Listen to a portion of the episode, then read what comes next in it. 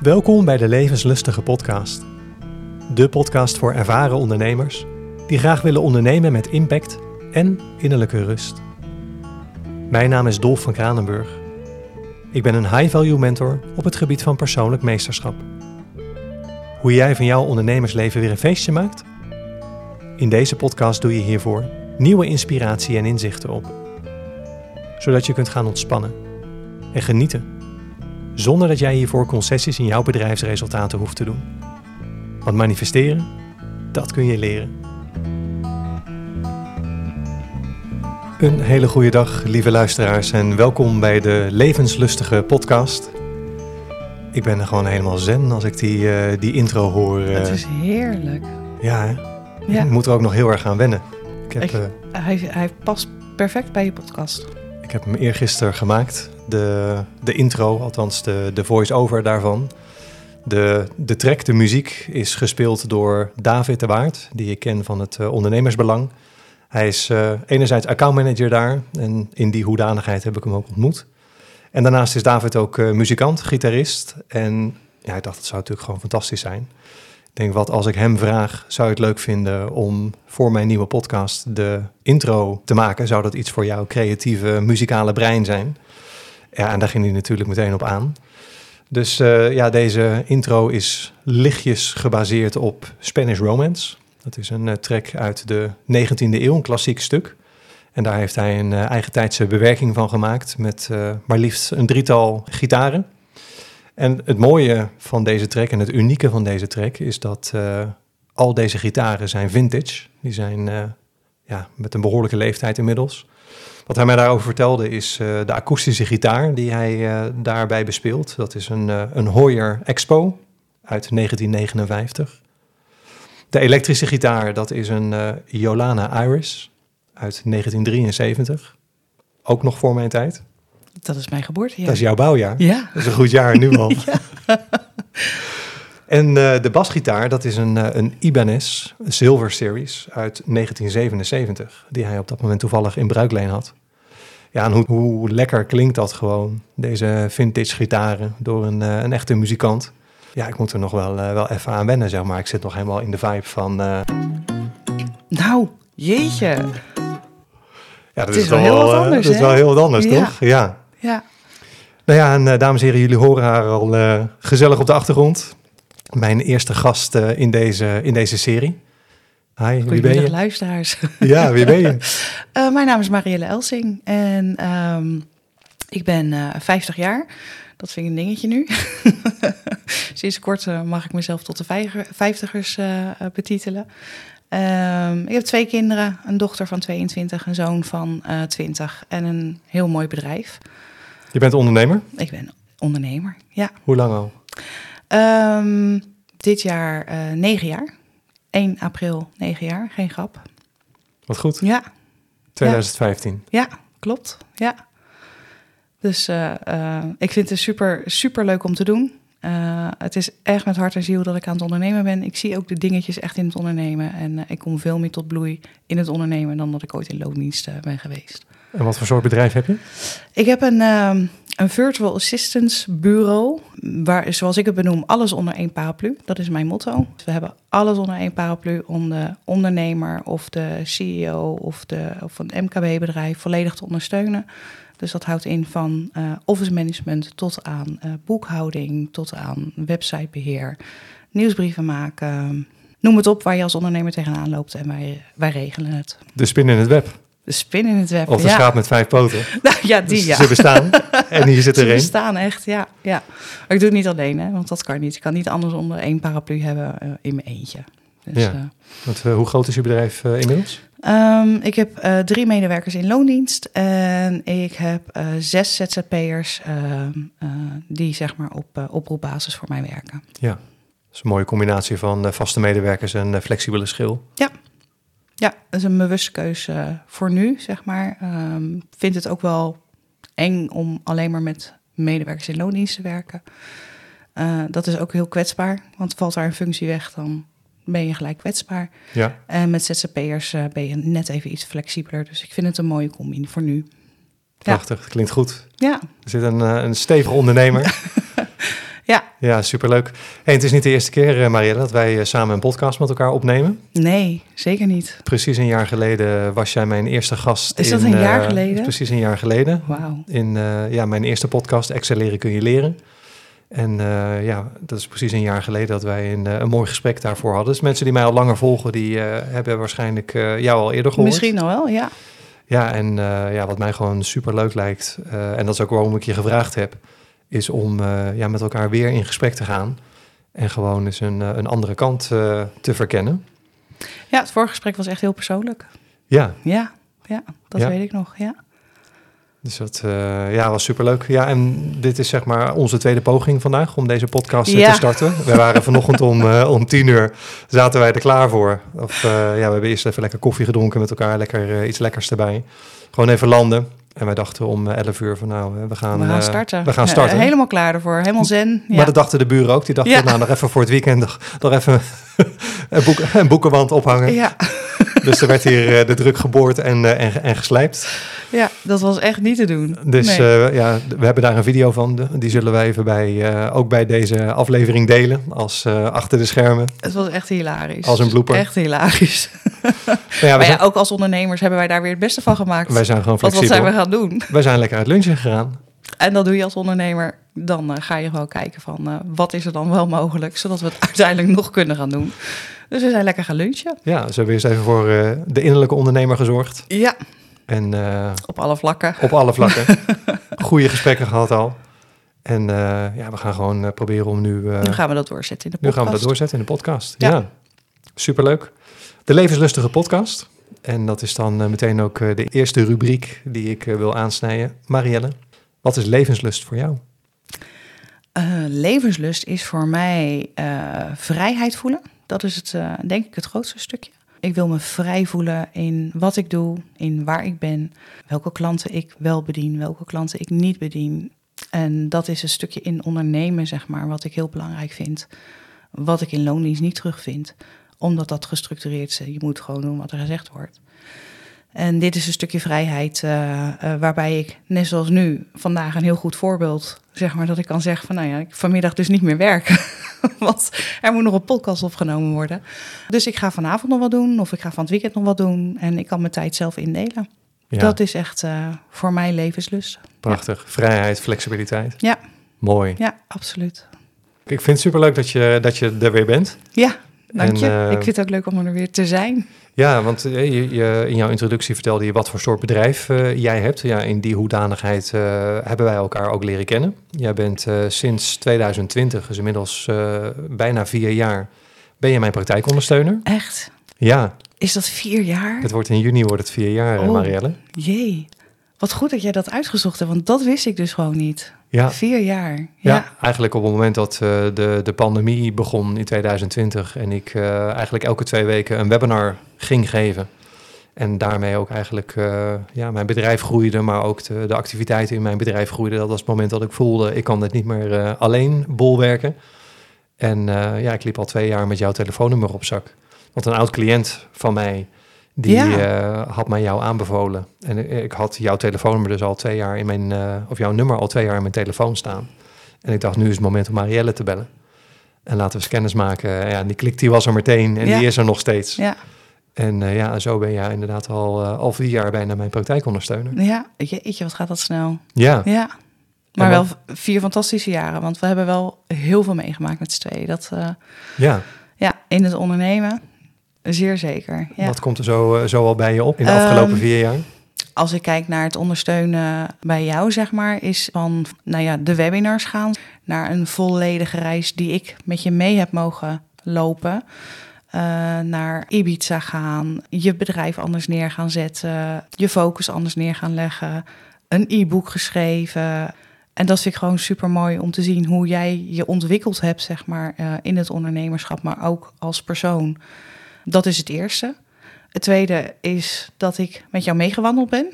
Dus ook mijn bedrijf is volledig veranderd. Waarbij ik vier jaar geleden nog niet zoveel personeelsleden had. En ik het redelijk nog in mijn eentje allemaal aankon. Is ook mijn bedrijf gegroeid. Maar heb ik altijd wel gezegd van eh, de klanten met de kers op de taart voor mij, dat blijven mijn klanten. En daar ben jij er wel één van. Ja, absoluut. Ik vind het werk fantastisch om te doen. En dat is omdat ik heel erg geïnteresseerd ben in wat jij doet. En niet zozeer de werkzaamheden eromheen, maar echt... Uh, ik klets weer te veel waarschijnlijk. ja, dat, daar ben je hier voor. Dat is, uh, Pak je podium. ja, kan ik heel goed. Top. ja. Ja, dus ja. dat is het eerste wat me mij opkomt. Ja. ja, prachtig. Want het is inderdaad een hele reis geweest. En uh, ja, jij bent niet inderdaad zomaar mijn praktijkondersteuner, maar wij, uh, ja, wij brainstormen natuurlijk ook gewoon echt heel veel. En eigenlijk onze tweewekelijkse uh, overlegmomenten gaan niet alleen over de, de, ja, de dagelijkse business, maar gaan ook echt over het ondernemerschap. En uh, ja, wat kom je daarin tegen? Wat is daar nog meer mogelijk voor je? En uh, ja, daarin heb ik in jou ook een, ja, niet alleen een fantastische ondersteuner gevonden, maar ook echt een sparringspartner gevonden. maar dat is dus wederzijds, want daar hebben we het nog tijdens de lunch over gehad. Dat voelt voor mij ook zo. Het is niet dat ik alleen maar jouw onderneming over me heen krijg, zeg maar. Maar we sparren ook echt samen. Dat kan over beide ondernemingen. En dat heb ik niet met heel veel mensen. Die dan op mijn niveau ook meedenken in mijn onderneming. Ja, ik vind, het heel, ik vind het heel erg leuk om te doen. Ik vind het ook heel waardevol.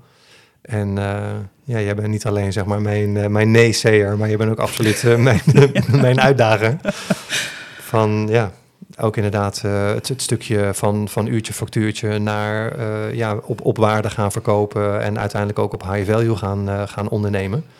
Dat, daar ben ik als ondernemer behoorlijk voor uit mijn comfortzone gegaan. Maar ja. ook mede onder aanmoediging van, van jou. Ja, ik kon de eerste gesprekken nog volgen. Dat ik jouw tarief hoorde, dat ik dacht van Dolf, dat, dit kan niet. Dat wat jij doet is zo fantastisch. Dat, dat kan je niet voor dat tarief uh, gaan verkopen. Daar moet je echt wel iets anders mee gaan doen. En ook zeg maar de, uh, de meerdere coaches en, en therapeuten in mijn netwerk hebbende, ben ik blij dat ik wel daarin een steentje heb kunnen bijdragen, zeg maar. Uh, ja. ja, ik denk dat het voor mij echt ook een kwestie van mindset was. En, en, en ook ja, toch ook moed laten zien.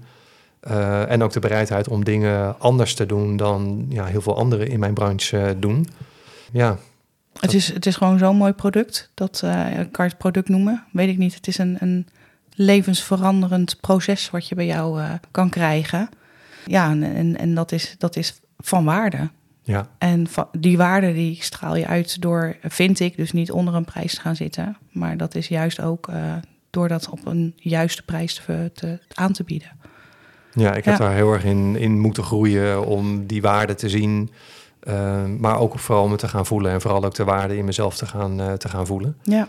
En uh, ja, ik weet ook wel inderdaad dat in het begin daagde je me daar al op uit. En ja, had ik daar wel interesse in, maar merkte ik dat er ook nog allerlei dingetjes blokkeerden. Maar ook mede dankzij die aanmoediging, ja, sta ik nu, sta ik, sta ik nu waar ik sta. Ja. En sta jij nog steeds aan mijn zijde. Ja, ja ik, wijk niet, ik wijk niet van je zijde. Dat is, dat is heel fijn. Zolang jij wil, blijf ik aan jouw zijde staan, ja. Ja, ja. super fijn. Ja, maar dat, is, dat zeg ik, dat is wederzijds. Hè. Uh, jij onderneemt op een hoog niveau, uh, waarbij ik ook in jou zeg maar een stukje vind waarin we kunnen sparren. Dus ik denk dat we samen gegroeid zijn. Ja, ja. heel tof. Ja. ja, het is super belangrijk denk ik als, uh, als ondernemer om ja, de juiste mensen om je heen te verzamelen. En ook ja, zijn het ook vaak andere mensen, zeg maar, die misschien ook op je pad komen. Ik ben natuurlijk ook heel lang werknemer in loondienst geweest en heb daarmee ook een, ja, een bepaald netwerk, een bepaalde kring opgebouwd. Dat je op een gegeven moment gaat ondernemen en, en ja, gaat ontdekken van hé, hey, ik, ik, ik merk dat ik daarin een, een reis ben aangegaan die niet voor iedereen vanzelfsprekend is. En ja, dat je inderdaad op zoek gaat naar gelijkgestemden. Ik denk dat dat heel erg belangrijk is om gelijkgestemden om je heen te hebben. Maar dat je op een gegeven moment ook op zoek gaat naar mensen aan, ja, aan wie je kunt optrekken, van Ja. wie je kunt leren en van wie je kunt groeien. En dat je dan soms ook merkt van ja, ik, in, eigenlijk in mijn eigen inner circle, zeg maar, kan ik daar niet die impulsen uithalen. En, eh, en, en het is gewoon super belangrijk, denk ik, als ondernemer. En zeker als je een, een, een growth mindset hebt. Dat je op zoek gaat naar mensen die je uitdagen en, en van wie jij weer kunt leren. Het is ook al niet altijd een makkelijke weg, vind ik, het ondernemen. Dat is, eh, soms lijkt het heel makkelijk van, oh, we zijn eh, gegroeid binnen die vier jaar. Maar dat is echt wel met vallen en opstaan gebeurd. En dan is het heel fijn dat er iemand is die jou weer helpt opstaan. Ja. Ja, die er is om jouw hand beet te pakken en te zeggen van, nou kom op en door. Ja, en, en ook de hele reis die daaraan vooraf gaat. Ik bedoel, op het moment als je iets neerzet of iets, iets creëert of iets manifesteert en daarin succesvol bent, dan, eh, ja, hoor je vaak om je heen van, oh, dat wil ik ook wel, of dat vind ik tof. En, maar het is de whole package, zeg maar. Ja. Het is wel eh, alle, alle, alle keren falen, zeg maar, alle keren proberen en daarnaast zitten. En ja, alle keren zeg maar dat je bent gevallen en bent opgekrabbeld. Of dat iemand je toch weer heeft aangemoedigd om niet op dat moment de, de handdoek in de ring te Ja. gooien. En toch door te gaan, toch door te zetten, ook al ben je er nog niet. Dat, dat is super belangrijk. Ja. En ja, Ik merk dat vooral in mijn vak heel erg dat, eh, dat er gedacht wordt van het ondernemen, moe, dat, dat doe ik er wel even bij. Dat doe ik wel even als de kindertjes op bed liggen en dan kan ik wel even wat voor mijn klanten doen. Of eh, als ze s'avonds op bed liggen. Of dan zeg ik altijd, ondernemen is niet een parttime baan wat je ernaast kan doen. Want in eerste instantie kies je in mijn geval dan niet voor het VE-vak. Je kiest ook wel voor het VE-vak, maar je kiest in eerste instantie voor het ondernemen. En ondernemen, ja, in mijn beleving kan je dat niet parttime doen. nee. Zo ben ik overigens wel begonnen. Ik ben eh, mijn bedrijf in 2013 begonnen, ja, eigenlijk naast een fulltime baan in vier dagen. Maar dan merk je op een gegeven moment ook van ja, Je gaat je- vastlopen. Je gaat vastlopen. Ik bedoel, je zet het neer, het, het, het loopt, eh, je hebt je eerste klanten. Maar dan merk je op een gegeven moment ook van ja, hè, je, om verder te groeien zul je moeten gaan ondernemen. Ja. En eh, ja, in mijn geval vroeg eigenlijk mijn, mijn baan, vroeg al mijn tijd en, en, en aandacht en energie in vier dagen. En die vijfde dag dat ik dan voor mijn onderneming had, ja, dan had ik eigenlijk al niet meer de puff, zeg maar, om de dingen te doen die, die ik moest doen. Dus toen ik ging samenwerken met een business coach, was dat ook het eerste wat ze tegen me zei. Van ja, op het moment als je dit level voorbij wil, dan zul je Dan moet je keuzes maken. eigenlijk gewoon uit loondienst moeten gaan. Zul je eigenlijk gewoon je baan moeten opzeggen. Als je echt wil gaan ondernemen, dan. En natuurlijk is het prima te starten hoor, met, eh, met een eh, baan in loondienst ernaast. Of, eh, maar je komt op een punt, als je echt verder wil gaan ondernemen en wil gaan groeien, dan valt dat niet meer te combineren. Dat, dat kan niet meer. Dan eh, je, je loondienstbaan eh, kost energie. Eh, je bedrijf opzetten kost nog meer energie. En dan heb je vaak ook nog een privéleven. Ja, Nou, probeer dat maar alle drie te combineren. succes daarmee. Ja, Ja, het, het is een interessante reis. Je krijgt er heel veel voor terug. Want wat jij ook zegt over flexibiliteit en over vrijheid, die herken ik helemaal.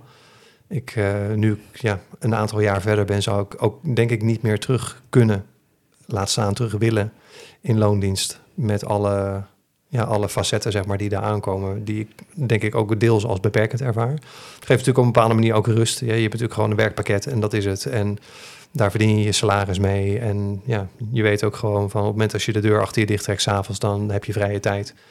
En weekend is weekend. En ja, het, het biedt op een bepaalde manier ook, eh, ook zekerheid, biedt op een bepaalde manier ook rust. En tegelijkertijd, ja, dat vooral dat stuk vrijheid en flexibiliteit. Ja, zoals ik dat nu ervaar als ondernemer, heb ik dat als werknemer nooit gekend, maar wel heel erg naar verlangd. Ja. Nou ja, ik vind, eh, er zitten aan alle tweede kanten altijd, eh, een, een medaille heeft altijd twee kanten. Ik vind de, de vrijheid in het ondernemerschap vind ik heel erg fijn. Eh, maar wat ik wel eens mis, is dat ik eh, niet om vijf uur die deur kan sluiten en kan zeggen, oké, het is weekend. Eh, dat er nog wel eens wat werk ligt, wat echt wel gedaan moet worden. Ja, wat ik dan in het weekend moet doen. Maar aan de andere kant, een dag als vandaag, daar hadden we het al eventjes over. Dan gaat er zo een soort van schuldgevoel naar mij toe van... ja, er zitten er op kantoor mensen, die zijn nu hard aan het werk. En wij zitten gewoon lekker te lunchen. Uh, maar dat is wel de vrijheid die ik wil. Ja. Dat is wel waarom ik dit negen jaar geleden opgezet heb... en er zo keihard voor gewerkt heb om dit stukje vrijheid en te creëren. En dat dat daadwerkelijk kan. En is het ook dan niet het stukje onwennigheid dat hè, op het moment als je je bedrijf begint, dan ben je natuurlijk overal zelf van. Dan doe je ook alles zelf. Nou, dan gaat het op een gegeven moment, ga je naar het level van je onderneming dat je mensen in dienst gaat nemen en dat je niet meer alles zelf gaat doen. Is het ook niet een gevoel van ontwenning of onwennigheid? Um, nee, dat is een stukje loslaten, denk ik. Meer dat dat bij mij zo voelt. Van ik moet dat leren loslaten. Hè, dat, dat het wel doordraait. Wat ik lastig vind, en dat is een stukje wat bij mij zelf zit, is uh, ik krijg er een schuldgevoel van. Dus bij mij zit er een stukje schuldgevoel van. Er zijn er mensen op kantoor hard aan het werken. En ik zit lekker de sushi naar binnen te werken. Um, dan, gaat, dan krijg ik een flashback van toen ik nog in loondienst was. Dat mijn directeur dat wel eens deed. En dat, dat ik dan dacht van, hmm, kijk hem gaan. Wat, wat zou jij gaan doen? Al, alweer een afspraak buiten weg, de deur. Ja. ja. Oh, ik heb om drie uur een afspraak staan op vrijdagmiddag. Mm -hmm. dat gevoel, zeg maar, dat ik denk van, oh ja, wat denken ze van me? Maar dat is iets wat bij mij zit, hè. Want uh, misschien denken ze helemaal niks. Ik vul wat in. Dus misschien denken ze helemaal niks van. Ja. Dat, eh, Ik ja. denk zomaar dat het hartstikke herkenbaar is wat je vertelt voor andere ondernemers die nu luisteren en, en die ook inderdaad in die groeifase zitten met hun bedrijf. Dat je daarin ook echt wel jezelf tegenkomt en je eigen gevoelens tegenkomt. Van Ja. oké, ja. En dan doe ik dit en dan creëer ik deze vrijheid en mogelijkheden voor mezelf. Maar ja, wat is dan zeg maar het prijskaartje waar het aan hangt? Nou ja, maar blijf je ook wel bewust waar je dit voor gedaan hebt. En ga niet ineens in een keurslijf zitten, waardoor je nog van 9 tot 5 verplicht voelt op kantoor te zitten. Ja, je hebt, je hebt dit ook wel opgezet om zelf die vrijheid te kunnen creëren. En jouw personeel heeft ervoor gekozen om in loondienst te werken. Dat zijn keuzes die, die heb ik gemaakt als baas, waardoor ik dit kan. En dat zijn de keuzes die mijn personeel maakt om in loondienst te werken. En daar de, de, de, de vruchten van te plukken. Ik bedoel, zij hebben 25 vrije dagen. Die heb ik niet hoor. Ja. Nee, ik kom niet aan 25 vrije dagen. Ik denk dat je een hele mooie nuance aanstipt, Marielle, van vrij zijn. Om dus inderdaad te zeggen, ik werk op vrijdag niet. Ik ga een podcast opnemen. Ik ga lekker uit lunchen en daarna begint mijn weekend. En je vrij voelen. Ja. Want vrij zijn wil misschien nog niet zeggen vrij voelen. Want op het moment dat je wel vrij bent, maar je je niet vrij voelt... omdat je nog steeds schuldgevoelens ervaart... ligt daar denk ik ook een hele mooie winkans voor je. Van hoe kun je Ja, hoe Nee. kan je dat weer omzetten? Ja. ja. hoe kun je inderdaad succesvol zijn in je bedrijf en tegelijkertijd je ook vrij voelen om eh, eigenlijk te genieten van je succes. Van het feit En dat waarom je dit hebt op, opgezet. Ook natuurlijk ook wel een stukje om te ondernemen. Maar je, zet, je bent als ondernemer ook wel bezig met dit stukje. En, en je, nou ja, je levenslust zeg maar daarin te vinden. En dan moet je dan niet gaan verliezen in de, in de loop van het traject. Als je gaat groeien. En eh, dat je dus toch weer teruggaat in dat keurslijf wat je eigenlijk niet wil. ja, Ja. En wat brengt dat dan dat je je daar schuldig over gaat voelen? Wat is dat in jezelf dat je dat voelt? ja. Dat is iets wat in jezelf zit. ja, ik vind het heel mooi dat je dat zo eh, op tafel legt. Ik denk dat het super herkenbaar is voor de, voor, voor de luisteraars. Vrij zijn, maar je nog niet vrij voelen. En, eh, en ja, hoe ga je daarmee om of wat kun je daarin doen om nog meer vrijheid voor jezelf eh, te creëren? Althans, nog meer beleving van vrijheid voor jezelf te creëren. Ja, Dus eh, ja, dankjewel voor deze, voor deze herkenbare... ja zo, zo zie je hoe onze gesprekken gaan. Hè? Voor, ja, voor Dit het zijn mooie, onze gesprekken. het Ja. mooie herkenbare aspect van eh, dit is ook ondernemen. ja, absoluut. Ja. Want een jaar geleden, Marielle, was je hier. Ehm, althans was je in, in de podcast eh, Excelleren kun je leren. Je hebt daarin eh, echt een heel persoonlijk verhaal verteld Ja. over jouw ondernemerschap, over hoe je ja, daartoe gekomen bent, ook wat daaraan vooraf is gegaan. Maar wat je ook vertelde over na zoveel jaar ondernemen, dat je op een gegeven moment wel merkte van hé, hey, ik, eh, ik loop vast. En ik, ja, dat is voor mij eigenlijk de, de aanleiding om met mezelf aan de slag te gaan, een stukje persoonlijke ontwikkeling eh, te doen. Kun je de luisteraars even kort eh, meenemen in, in de situatie? Ik denk dat dat nu kleine twee jaar geleden is dat dat zich voordeed. ja, want ik denk dat eh, toen wij de podcast gingen opnemen vorig jaar, toen was ik klaar met, nou ja, klaar. Je bent nooit klaar om aan jezelf te werken. Dus laat ik dat, dat, zoals ik het voel, ik wil de rest van mijn leven ook blijven leren en aan mezelf blijven werken. Je komt altijd wel weer dingen tegen. Uh, maar toen had ik wel de grote ommezwaai gemaakt. En dat is een jaar geleden. Twee jaar geleden liep ik echt vast op nou ja, een groot deel wat er met corona gebeurd is. Hoe zet je dan je bedrijf weer op? Hoe krijg je weer je, je financiële zekerheid? Want dat is als ondernemer toch wel een dingetje. Je krijgt niet standaard je, je salaris gestort. Je moet daar uh, toch wel hard voor werken en zorgen dat die centen binnenkomen. En, uh, nou ja, op een gegeven moment liep ik vast in ja, hoe ik in het leven stond en wist ik niet meer hoe ik eruit moest krabbelen. En nou ja, daar ben ik een traject ingegaan. En dat heeft mij enorm geholpen. Waardoor ik echt uh, nu heel vrolijk aan het ondernemen ben en aan het werken ben. En nog steeds wel tegen dingen aanloop. Maar daar kan ik nu mee dealen en mee handelen. Ja, want daar ben ik dus zo benieuwd naar. En dat is ook, ook, ook wat ik jou in, in, onder andere in deze podcast uh, zou willen vragen. Van, hè, je, toen we elkaar de laatste keer in deze hoedanigheid zo spraken, toen had je net die stap gezet en was je met jezelf aan de slag gegaan. Maar waar ik zo benieuwd naar ben, is wat heeft het jou als ondernemer en wat heeft het jouw onderneming opgeleverd dat je dat gedaan hebt? Hoe, hoe zag de 2023 in dat opzicht voor jou eruit? Het grootste deel wat ik geleerd heb waar ik tegenaan liep, zeg maar, dat was mijn grenzen aangeven. Ik kon ontzettend lastig mijn grenzen aangeven. En dat heeft privé, heeft dat consequenties, maar dat heeft zeer zekerlijk ook zakelijke consequenties. Want mijn klanten konden mij dag en dag appen en Marielle reageerde wel. Want dat voelde voor mij zo. En dan had ik me bedacht van ik ben uh, vrij.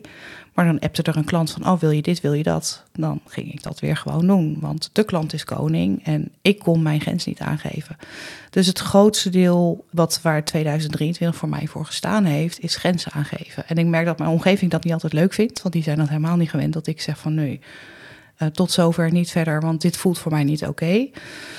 Maar het heeft in mijn onderneming wel heel veel gebracht. Ik kan nu nee zeggen tegen klanten waarbij ik voel dat het niet goed voelt. Dus dat gaat mij geen energie kosten. Want ik durf te zeggen: nee, ehm, ik wil jou niet als klant hebben. Dat klinkt heel raar misschien voor een heleboel ondernemers, want klant is koning. En, uh, en je wilt toch graag klanten? Ja, je wil graag klanten. Maar ik voel wel dat ik liever klanten heb waar ik een klik mee heb en waar ik, uh, nou ja, gewoon goed mee kan, uh, door één deur kan. Als dat ik klanten heb die mij heel veel energie kosten. En wat dus eigenlijk uiteindelijk niks oplevert. Want dan levert dat uurtje factuurtje eigenlijk niet zo heel veel op. Hè? Dus dat is denk ik het allergrootste deel wat, wat in 2023 mij gebracht heeft. Nee durven zeggen, mijn grenzen aan durven geven. Ja. En, en hoe werkt dat door voor je? Hoe voel je je daarbij? Hoe ik me daarbij voel. Het heeft wel eventjes geduurd om me daar goed bij te voelen. Maar ik voel nu een trots als ik nee durf te zeggen. Dan ben ik trots op mezelf en dan zie ik ook nog steeds wel dat, dat dit wel een stap is. Ja. Dus het is nog niet zo dat het een gewoonte is. Ik merk nog wel dat ik, dat ik een gevoel krijg van heel goed gedaan. Ja, en het is nog niet een automatisme. Hmm. Maar ik heb wel geleerd om er een nacht over te slapen. Niet direct ja te zeggen. Dan goed te, te voelen van voelt dit oké. Ja. Maar dat heeft er ook voor gezorgd dat mijn onderneming is gaan groeien. Ja, want daar ben ik inderdaad zo, zo benieuwd naar. Als je dan inderdaad je grenzen beter gaat bewaken, gaat nee zeggen. Je zegt ook nee tegen klanten, je zegt nee tegen, tegen potentiële inkomsten. Heeft dat dan, ja, wat was dan inderdaad daar het effect van op je bedrijf? Mijn bedrijf is meer gaan groeien. Ja, want een klant wat niet goed voelt en waar je eigenlijk nee tegen had moeten zeggen, kost je ontzettend veel energie in mijn vak kost mij dat dus moeite om dat op te zetten, om iets van werkzaamheden op te pakken. Waardoor ik een uur ga zitten treuzelen en ga denken van ja, ik moet dit echt doen, ik moet dit echt doen. Dat is een verloren uur. En nu heb ik echt leuke klanten, eh, klanten waar ik een klik mee heb. Dus ik heb heel veel energie om klant naar klant op te pakken. Dus mijn uren, dus mijn, ja, ik noem het altijd, mijn declarabiliteit is gewoon veel efficiënter. Hmm. Dus ik ben daardoor gaan groeien. Ja. Ja. En, en, wat heb je met die groei gedaan? Als in, hoe manifesteert die groei zich? Personeel. Personeel, ja. ja. ja, personeel gaan aannemen. Het minder leuke deel is dat ik er ZZP'ers uit moest zetten. Dat vond ik heel lastig. Dat had ik voor mijn traject ook nooit durven doen. Nu durfde ik dat wel, want dit is goed voor mijn bedrijf. Dus ja, ik moet dan ook minder leuke dingen doen. Maar ja, vroeger was ik meer een allemansvriendje. En dan ja, dat ga je niet zeggen dat de ZZP'er eruit moet. En, eh, want dan vinden ze mij niet leuk meer. nu denk ik van ja, maar dit is voor mijn bedrijf goed. En ik vind het heel vervelend en heel jammer dat dit voor jou niet oké voelt. Maar het is wat het is. Het is, ja, het is mijn leven, mijn bedrijf. En uh, hierdoor groei ik. Ja. Ja, en tijdens de corona deed je dat ook vanuit huis. En ja. je hebt inmiddels heb je ook weer een ja. bedrijfsruimte. Ja, super gaaf, lekker roze goud. Fantastisch, helemaal, helemaal jij. Helemaal wie ik ben, ja. En dat, maar dat is ook weer heel snel gegaan. Ik heb in juni een bedrijfsruimte ben ik gaan huren. En in december ben ik de tweede bedrijfsruimte er al bij gaan huren. Ja. Omdat ik ruimte tekort kwam. Ja. Als we het even samenvatten, zeg maar, in, in bedrijfsgroei, dan heb je twee medewerkers erbij, je hebt twee bedrijfsruimtes erbij. Ja. Drie medewerkers in loondienst, want de eerste is in oktober 23 begonnen. En de laatste twee zijn 1 januari dit jaar begonnen. Twee tegelijk op 1 januari. Ja, wauw. Ja. Ja, dus dat, dat, dat is, vind ik dus inderdaad heel bijzonder. Dat je dus inderdaad kunt ondernemen met, um, nou ja, eigenlijk door bewuster te zijn, in grenzen, vaker nee te zeggen. Dat dat dus eigenlijk, uh, eigenlijk leidt tot groei in je bedrijf. Ja, groei in mijn bedrijf, maar daardoor ook groei in mijn privéleven. Want uh, ik merk dat ik veel meer rust heb. Ik ben niet meer 24-7 met mijn bedrijf bezig. Er zijn andere mensen met mijn bedrijf bezig, waardoor het bedrijf doorloopt, net zoals vandaag. Er zijn gewoon mensen op kantoor. Alles loopt door, klanten worden bediend. Dus ik merk ook voor mezelf dat ik niet meer 24-7 met mijn bedrijf bezig hoef te zijn. En toch is mijn bedrijf aan het groeien. En toch krijg ik steeds meer financiële ruimte. Ja. Ja, ik vind het, jij bent een, een prachtig voorbeeld, zeg maar, ook van, van de visie die ik, die ik uitdraag. Hè. Ondernemen met impact en innerlijke rust. Zonder dat je daarvoor concessies in je bedrijfsresultaten hoeft te doen. Dat wat jij zojuist beschrijft, is precies dat. Door de keuze die je gemaakt hebt, door eerst inderdaad vast te lopen of in ieder geval te voelen van hé, hey, dit gaat niet zoals ik het wil, dit is niet waar ik gelukkig van word. En ik kies ervoor om daarin te kijken, een stukje persoonlijke ontwikkeling op te pakken. Maar dat het dan zo uitpakt voor je. Uh, ja, terwijl toch ook heel veel ondernemers geloven dat op het moment als ze rustiger aan gaan doen of even stilstaan, dat dat dan er direct toe leidt dat hun resultaten achteruit gaan. Of dat inderdaad, uh, ja, dat ze hun doelen dus niet halen. Maar wat, ja, wat jij dat zojuist beschrijft, is precies het tegenovergestelde. Ja, ik ben één dag in de week vrij sinds 1 januari. Nou, in al die negen jaar is me dat nog nooit gelukt. Ik heb het me altijd voorgenomen. Ik denk anderhalf jaar lang heb ik gezegd, iedere woensdag ben ik vrij. Van die woensdagen is het misschien twee keer in 23 gelukt. En nu ben ik iedere woensdag vrij. Dus ik heb veel meer rust gekregen, waardoor ik ook op, op privégebied zeg maar, veel meer levenslust kan, kan gaan ervaren. En ook weer daarin mijn tijd uh, te geven aan vriendinnen of uh, tijd te geven aan familie, waar ik vroeger helemaal geen tijd voor had. Ja. Mijn kinderen. Ja, ik weet in ons gesprek, hebben het nog over de kinderen gehad. Mm. Dat de kinderen wel wisten van, oh, maar mama is druk. Maar mama is nu niet meer zo druk. Mama heeft ook tijd voor de kinderen nu. Ja. Ja, en mijn resultaten leiden daar zeker niet onder. En wat doet dat voor ja, de relaties die je hebt met vrienden, met je kinderen? Ik merk dat ik het heel erg fijn vind dat ik veel meer in verbinding ga staan. Dus uh, als ik met een vriendin een dag naar een sauna ga, dan kom ik veel meer in verbinding met die vriendin als dat ik alleen maar af en toe wat app of af en toe bel. Dus de verbindingen worden dieper, het uh, dierbare om me heen. Prachtig. Ja. Dat is de levenskwaliteit volgens mij. Absoluut. Ja, absoluut. Zeker je dierbare. Ja.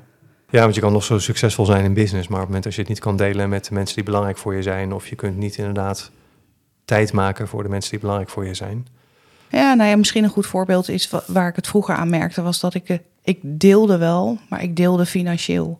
Financieel zeg maar, ik, ik betaalde de rondje in, de, in het café wel en uh, ik betaalde dat, dat etentje wel en uh, ik nam je wel mee shoppen zeg maar, maar daarmee kocht ik mijn vriendschap zonder echt in verbinding te gaan staan. Nu doe ik dat niet meer, maar kom ik wel veel meer in verbinding met mijn dierbaren, maar koop het niet meer af. Wauw, dat is wel iets wat je, daar zeg je wel wat. Ja, ja nee, maar het is gewoon een tikkie nu. Het gaat door de helft. Maar we hebben hele mooie gesprekken. En het is niet meer dat ik uh, een etentje wel betaal en daarmee mijn vriendschap wel behoud. Want zo voelde dat, zeg maar. Van, nou, dan behoud ik mijn vriendschap, want dan geef ik wel wat. Maar nu geef ik echt veel meer van mezelf. Ik geef mij in mijn vriendschap en niet meer mijn financiële zekerheid. Ik vind dat echt een, uh, een, een, ja, een heel diepgaand inzicht wat je, wat je op tafel legt. Van, ik, ik ben me ervan bewust dat ik mijn vriendschappen kocht. Ja. Dat dat mijn manier was van liefde aan mijn vrienden geven. Maar het voelde ook zo. Het voelde ook zeker zo. Dan, dan zat ik in de kroeg en dan hadden we een, een quizavond. En dan dacht ik van ja, ik zie die meiden dus eigenlijk bijna nooit. Weet je, ik betaal deze avond wel, want dan blijven ze me wel leuk en lief en aardig vinden. En dan heb ik daarna weer vier weken de tijd om geen aandacht aan die mensen te geven. Ja. Is dat dan ook weer schuldgevoel?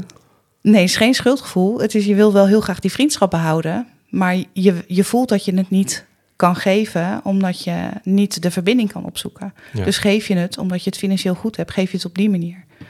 En dat, ja, dat is niet de juiste manier om vriendschap te onderhouden. En voorheen kon je die verbinding niet geven omdat je altijd met je business ik bezig was? Ik was altijd met mijn werk bezig. Altijd. Ik moest verjaardagen afzeggen omdat er wel weer wat tussen kwam. Uh, de tijd van mijn vrienden is ook kostbaar, hè? Hmm.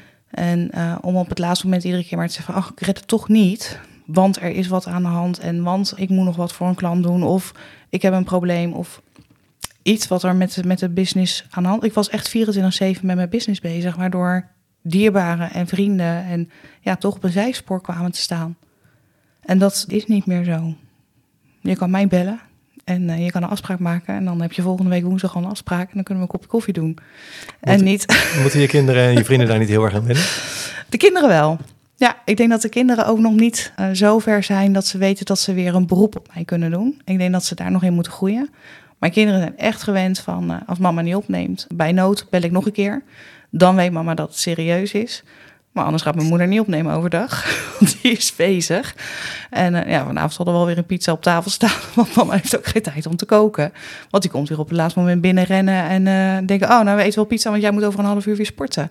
Ja. En ja, daar moeten ze langzaam in groeien dat dat nu anders gaat en dat er aardappels op tafel staat of dat er een pasta op tafel staat en niet een diepvriespizza die ik even in de oven gooi, zodat, uh, zodat we nog op tijd zijn voor het sporten. Ja. Denk je dat je omgeving daardoor ook rustiger op jou reageert doordat jij meer rust ervaart? Dat weet ik eigenlijk niet. Dat is een hele goede vraag. Nee, want dat is iets wat een ander voelt wat ik niet merk, zeg maar. Dus dat durf ik geen antwoord op te geven of, of dat zo is. Misschien wel. Eh, nou ja, een, een, vriendin van mij is nu twee dagen bij mij aan het logeren. Die komt uit Spanje. En ik heb nu juist het gevoel dat ik haar heel erg in de watten wil leggen. Dat ik haar wil verzorgen. En dat laat ze me gelukkig ook doen, en ze merkt het wel. Ze zegt wel van, uh, er zit iets in jou hè, dat je nu wil verzorgen.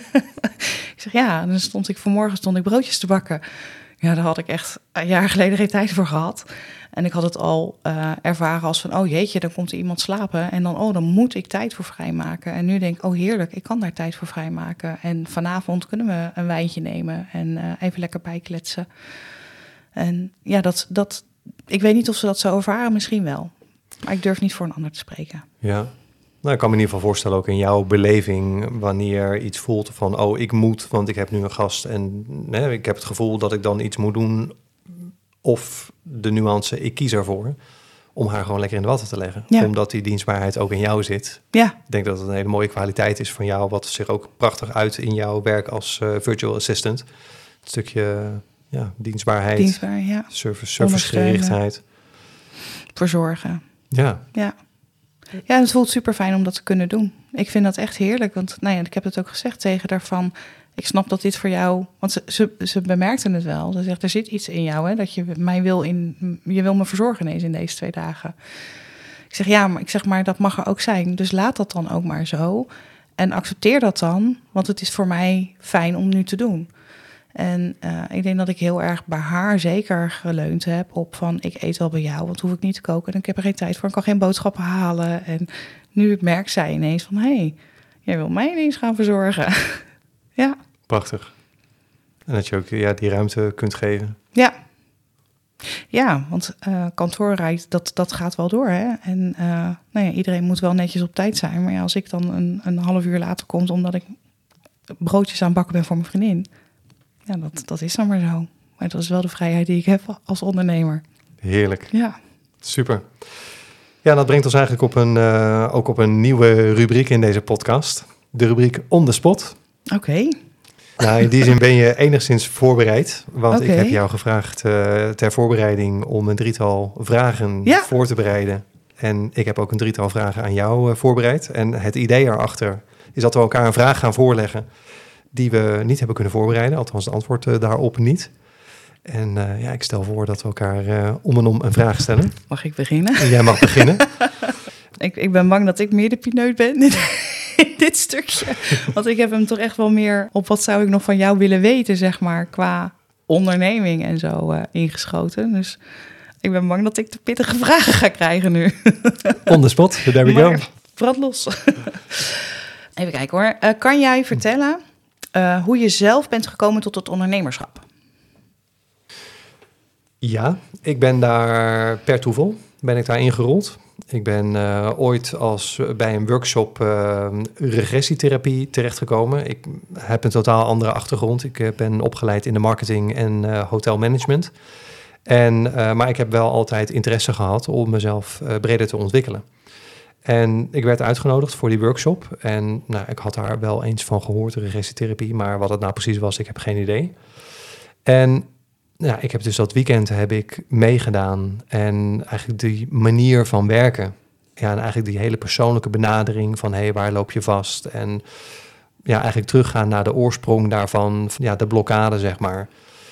En wat ik die man zag doen, zo mooi aansluiten bij de persoon. En, en eigenlijk heel veel diepgang opzoeken om uiteindelijk tot een, tot een doorbraak en een oplossing te komen. Dat ik dacht ook van wauw, deze manier van werken is voor mij zo onbekend in vergelijking met wat, wat ik nu doe als, uh, als inkoper op dat moment. Ik was er ook eigenlijk helemaal niet gelukkig in, want ja, het, het vroeg heel veel van me, maar ik haalde daar eigenlijk niet de voldoening uit. En eigenlijk ben ik die opleiding regressietherapie ben ik gestart met het idee van ik wilde meer van weten. Maar gaandeweg de opleiding ontdekte ik hoe eigenlijk die manier van werken ook heel erg aansluit bij mijn natuurlijke kwaliteiten. En dat ik eigenlijk een mogelijkheid zag ontstaan dat ik dacht van hé, hey, als ik me hierin ga ontwikkelen, misschien ligt, is er dan voor mij wel een andere loopbaan weggelegd dan het werk wat ik nu doe en waar ik niet gelukkig in ben. En dat ik voor het eerst het idee had van misschien zou ik in de toekomst wel eens een therapiepraktijk kunnen gaan starten. Waarbij ik mezelf in de afgelopen jaren ook wel de vraag gesteld heb van ben ik niet ooit het ondernemerschap begonnen als een vlucht uit werk waar ik Oh, niet gelukkig in was. In hoeverre ben ik echt intrinsiek gemotiveerd in dat werk, wat, wat, ja, wat ik nu doe nog steeds. Maar ik word er wel heel blij van op het moment als ik, eh, als ik met mensen werk en zie hoe ja, ze daarvan opknappen. En, en ja, de, de, de licht en levenslust zeg maar, die dan terugkomt in hun leven. Voor, voor mij is dat altijd, ik zeg wel eens van, ik kan me geen andere manier bedenken om mijn tijd en energie in te investeren dan in dit werk wat zo voldoende is. Dus ik denk dat het deels begonnen is als vlucht, maar dat ik ergens gaandeweg wel de intrinsieke motivatie Dus heb het is voor eh, jou gevonden. niet iets geweest waarvan je dacht van ik wil ondernemer worden. Nee, het ik is wilde, meer geweest van ik wil uit deze situatie, uit deze baan, ik wil wat anders gaan doen. En daar zit het ondernemerschap aan vastgekoppeld. Ja, dus eigenlijk mijn transitie was in eerste instantie van werk doen wat, waar ik niet gelukkig van werd, naar werk doen waar ik blij van werd. Maar goed zijn op werk waar je, waar je blij van wordt, maakt je nog geen goede ondernemer. En dan ga je op een gegeven moment ontdekken van ik heb klanten nodig om dit werk überhaupt te kunnen doen. Dus daar gaat nog een heel proces aan vooraf. En dat is ondernemerschap. Oké, dat is wel grappig, want dat is bij ons precies andersom. Ja, Ja, ik ben gaan ondernemen omdat ik geen andere keuze had. En ik kon niet in loondienst meer werken. En jij bent er eigenlijk gaan ondernemen omdat je een ander vak bent gaan kiezen. Ja. En daar zat het ondernemerschap aan vast. Grappig, ja. dankjewel voor deze nou, dat vraag. was mijn vraag. Superleuk. Ja, Ja, on the spot. Dan is het, eh, is het mijn turn. ehm.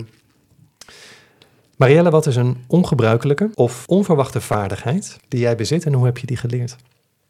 Ehm, een onverwachte en ongebruikelijke vaardigheid. Potverdorie zeg. Ja, een, stiekem een kantklosser Kan je niet ben. Vragen? eh, kan je niet vraag twee van mij aan mij stellen? dat hoeft niet met het ondernemerschap te maken Mag te hebben. alles zijn. Dat, kan, dat mag alles zijn. ja, als jij goed bent in eh, pannenlapjes haken. Oké. Nou, jij hebt vanmorgen een engelenkaart getrokken, hè? Ja, ja. Ik denk dat mijn humor, daar verbaas ik mij soms wel eens over dat ik denk van, oh, ik ben best grappig. wij kunnen echt heel goed lachen met elkaar. heel goed lachen. Ja, maar ik heb dat toch wel. En ik denk dat dat ook wel met mijn transformatie te maken heeft, is dat ik het durf nu. Ik durf grappig te zijn. En het blijkt dat ik ook soms best wel grappig ben. of klinkt dat echt. eh, Wij lachen eigenlijk altijd. Maakt niet uit Ja. wanneer we elkaar spreken, maar we, lachen er altijd. is altijd humor. En, en ik merk dat, ehm, dat ik dat heel belangrijk vind in mijn leven. Maar ik merk eigenlijk ook wel dat ik er goed in ben om humoristisch te zijn en grapjes te maken. Ja, ja. Ik zou het zeker als een van jouw eh, kwaliteiten omschrijven. Ja. Maar ik heb jou daar ook in zien veranderen in de afgelopen vier jaar. Oh ja? Ja, want ik denk dat wij onze samenwerking echt wel heel zakelijk en heel formeel hebben ingestoken. Ja. Maar dat we eigenlijk, eh, ook, ja, ook natuurlijk door alle sparringen, en, maar ook gewoon ja, het ondernemer zijn. Ik denk dat iedereen dit herkent die luistert en die met ondernemerschap bezig is. Ja, je hebt ook gewoon regelmatig van die what the fuck momentjes. Ja, er, er gebeuren ook gewoon dingen met klanten, met medewerker. Ehm, ja, gewoon in je business. Dat je denkt van, ja, maar hoe dan? En ja, om dat dan te relativeren met humor, houdt het ook wel leuk. Ja. Oh, wat grappig dat, dat ik dat dan benoem en dat je dan ziet dat ik daar inderdaad in veranderd ben. Want zo voelt het ook inderdaad. Je bent veel vrijer geworden. Ja, Ja. Dat, ik denk dat dat het juiste is. Ik voel me vrijer en ik durf grapjes te maken en ik durf grappig te zijn. En het maakt me niet meer zo heel veel uit of, nou ja, of ik eh, de enige ben die om mijn grapje kan lachen. dan, heb ik in ieder geval, dan heb ik in ieder geval lol, toch? Ja, ik zeg maar zo. Als meelacht niet. als je dan niet om je eigen grapjes kan lachen, wie moet er dan om lachen? Nou, precies. ik denk dat dat, nee, dat is een antwoord op jouw vraag. Prachtig. Ja. Humor. En dat je vooral jezelf daarmee verrast hebt. Ja, niet, niet bedacht dat ik dat, eh, dat ik dat in me had, zeg maar. Dat ik grappig kon zijn. En ik was altijd wel redelijk serieus. En ik dacht ook wel dat als je serieus bent, dat je ook eh, serieus genomen wordt. Mhm. Maar als je humor hebt, dan word je ook gewoon eh, serieus genomen. En misschien eh, juist nog wel meer, omdat je, je een stukje van jezelf kan laten zien. Je menselijke kant. Ja, ja. Ja. Goh, ben ik toch nog menselijk. ja, zeker. Heerlijk. Ja. Top, dankjewel. Mag ik naar vraag 2? Oeh, on the spot, vraag 2. Ja. Ik heb juist vragen bedacht, omdat ik het leuk vind dat luisteraars ook wat meer diepgang van jou horen. In plaats van dat jij vertelt eh, over wat je doet, en, maar ook jouzelf leren kennen. Dus hoe zorg jij ervoor dat er een goede balans is tussen je werk en je privé? Dat is een hele mooie vraag. Want dat is ook zeker een proces van wat niet van de een op de andere dag zomaar staat. Ik denk dat het begonnen is op het moment, we hadden het vandaag toevallig over, over dat ik 13 jaar was toen ik begon met roken en dat ik te- op mijn 22e ben gestopt met roken. Maar ik heb Ik eigenlijk... rook niet, hè, trouwens. Nee, draai je nou weer. Alleen vandaag niet. Precies. Maar ik had dus eigenlijk als eh, afleiding van het niet roken, eh, ben ik gaan sporten. En ik ben eigenlijk gaan sporten eh, op mijn 22e. Ik was eigenlijk voor die tijd altijd sportschuw. Ik deed alles blauwe maandag, maar ik bewoog vooral niet. Maar ik had wel echt afleiding nodig om ja, van die sigaretten af te blijven. En ik denk dat gaan sporten, dat dat voor mij eigenlijk het begin was van beter voor mezelf gaan zorgen. En in het begin zat het nog heel erg op de prestatie. Van ik moet zwaarder kunnen tillen, ik moet meer spiermassa opbouwen, moet groter worden. Maar ik kreeg natuurlijk op een gegeven moment ook gewoon interesse over voeding. Het gaat niet alleen over inspanning, maar het gaat ook over wat eet je en wat eet je niet. En eigenlijk gaandeweg die ontwikkelingen, zeg maar, en, en het van de sigaretten afblijven, begon ik steeds beter voor mezelf te zorgen. Maar dat presteren, dat, dat begrenzen in presteren, dat lukte me niet. En uiteindelijk heeft me dat ook een burn-out opgeleverd in, eh, in 2009. Nou, dan wordt de noodzaak nog maar eens onderstreept om beter voor jezelf te zorgen. Maar wat nou als je super lekker gaat op prestatie en daarmee ook hele mooie dingen creëert? Hoe ga je jezelf daar dan in begrenzen op een manier die ook goed voelt voor jou? Dat je ook als je niet bezig bent, dat je dan ook je daar goed bij voelt. Dat je ook rust ervaart en niet allerlei andere oncomfortabele gevoelens.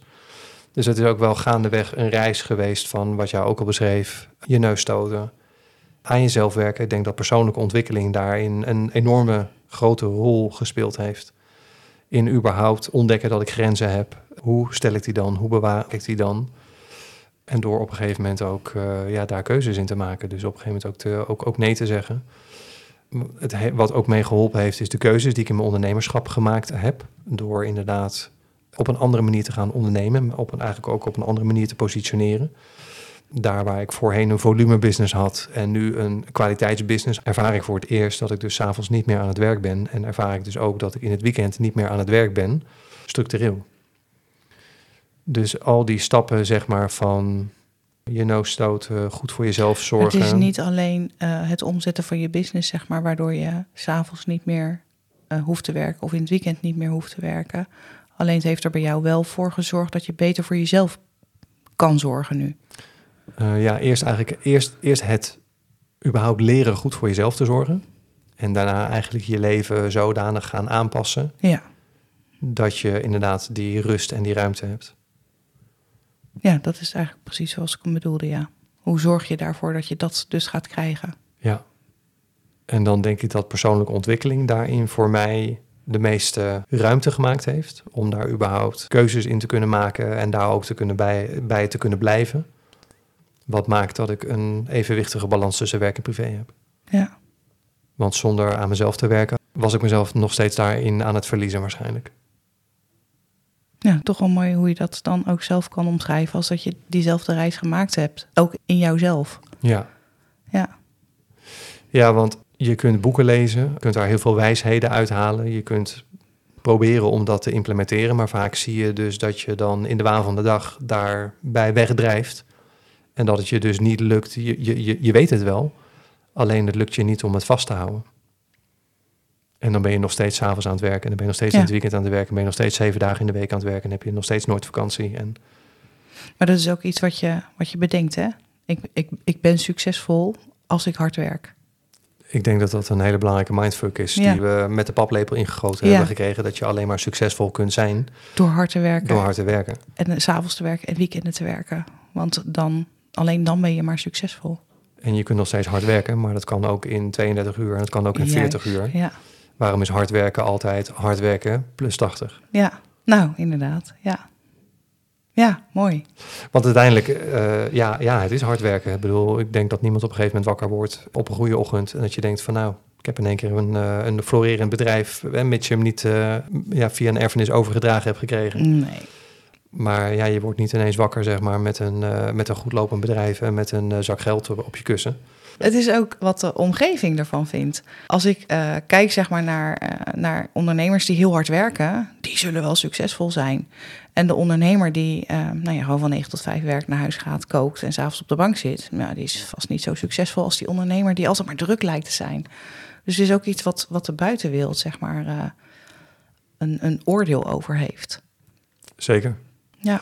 Weet je, en, en, en zeker als je je bedrijf gaat opstarten, dan ontkom je er niet aan Nee. dat, je, weet je, dat je zaait en dat je concessies doet en dat je keuzes maakt in het belang van je bedrijf. Maar dat is wel een, een bepaalde bouwfase of naar een bepaald punt. Maar op een gegeven moment moet dat omslagpunt wel komen. Dat, je, ja, dat het bedrijf ondersteunend wordt aan jouw leven. En niet dat jij nog steeds als ondernemer in dienst van jouw bedrijf staat. Ja. Nou ja, dat is eigenlijk weer terug naar wat ik zei van eh, als je met je bedrijf start, kan je dat niet parttime doen. Ja. Als je echt wil gaan ondernemen, dan zal je dat fulltime moeten gaan doen. Als er iets moois staat, dan moet je ook wel een moment kunnen gaan pakken om dan weer die stap terug te kunnen gaan zetten. Want als je in dat stukje blijft zitten van het harde werken en nou ja, altijd maar eh 60, 70, 80, 90 uur in de week eh, eh, aan het werk te zijn, waarom ben je dan ooit voor jezelf begonnen?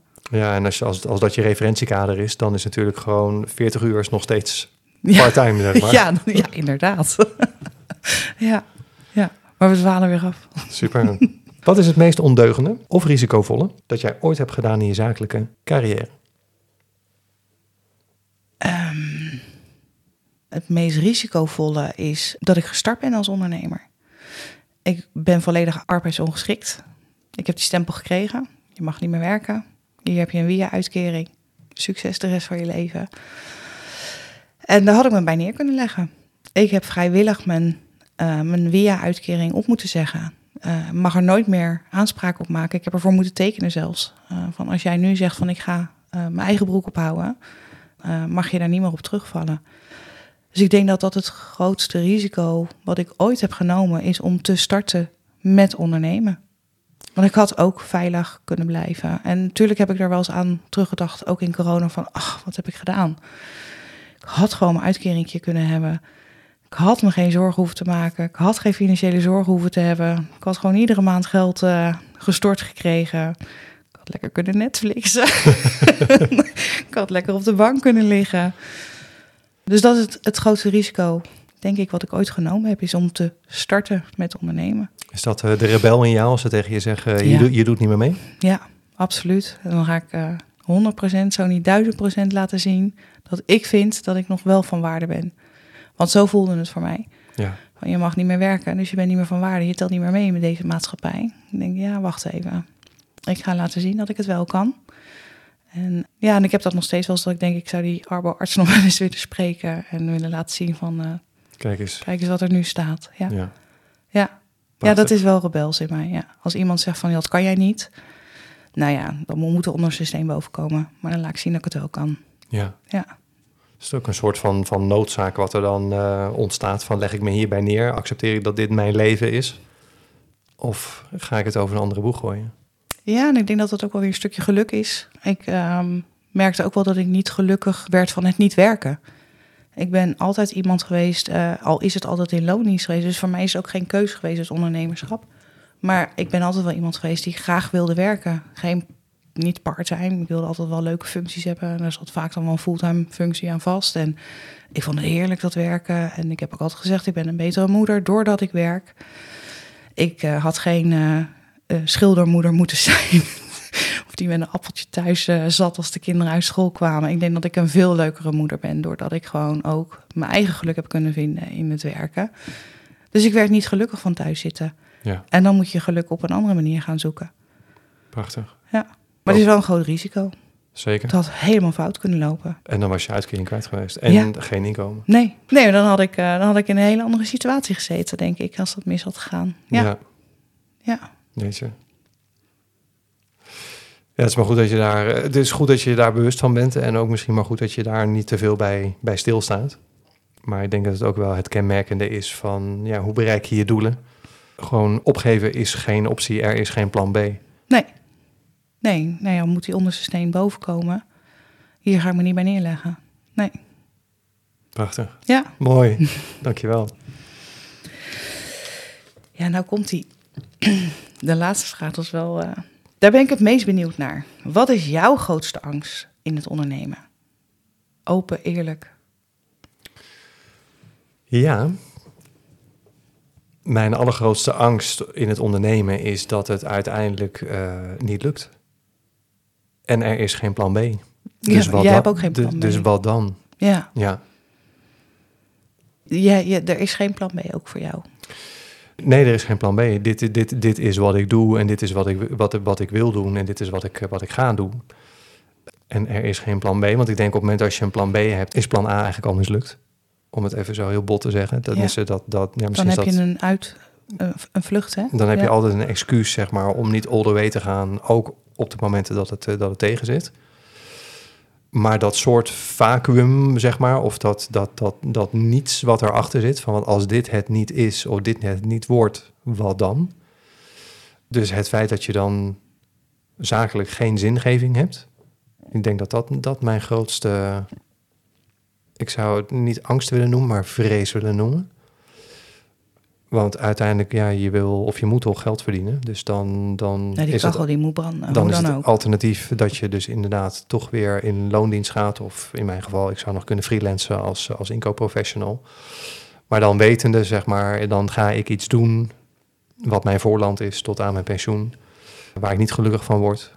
Wat als, als, mij, als ik mijn passie niet kan doen op een manier dat ik daar ook mijn, in mijn levensonderhoud van kan, kan voorzien. Dat dat mijn grootste vrees is. En, en vooral het, het, het wat, ja, wat dan? Ik vind het wel heel mooi, want bij vraag 1 vert- vertelde je eigenlijk van waar, waarvanuit je gestart bent. Het niet gelukkig zijn. En je grootste angst zit toch weer dat je terugvalt in waar je ooit begonnen bent, zeg maar, als ondernemer. Ja, dus, dus misschien is mijn grootste angst wel dat ik mijn vrijheid, vrij, vrijheid kwijtraak en mijn flexibiliteit kwijtraak.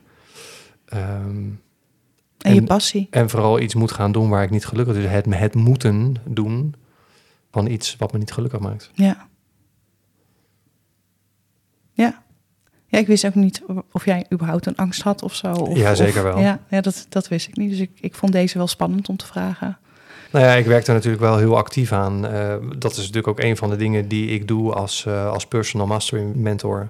Dat ik mensen bij deze stukken begeleid. En dat kan ik alleen maar doen door ook mijn eigen stukken te doen.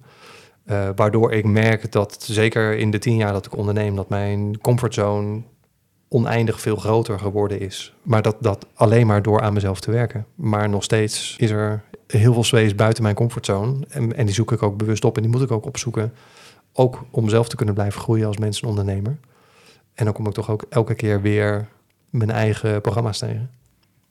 Ja, nee, ja, het klinkt heel raar, maar het is wel fijn om te weten dat je ook angst hebt. Je bent dus ook gewoon menselijk. Toch Ja. wel. Ondanks dat jij je vragen via ChatGPT doet, hè? ben je toch ook menselijk? Toch wel. ja, Ja, ik heb dat daar is wel... een eh, mooi antwoord. Dankjewel. Ja. Laatste vraag voor jou, on the spot. Wat is het grappigste misverstand dat je ooit hebt meegemaakt? Of waar je getuige van was? Oh, wat een vraag, Dolf. Kunnen we de volgende keer niet gewoon deze vraag alvast doorsturen? Dan kan ik erover nadenken. Maar dat is niet meer on the spot, hè? Ah. Volgende vraag. Als Oh, dieren konden praten. Vogel. nee, ik ga waar ik getuige van ben geweest doen. ik weet niet of ik dit moet delen hoor.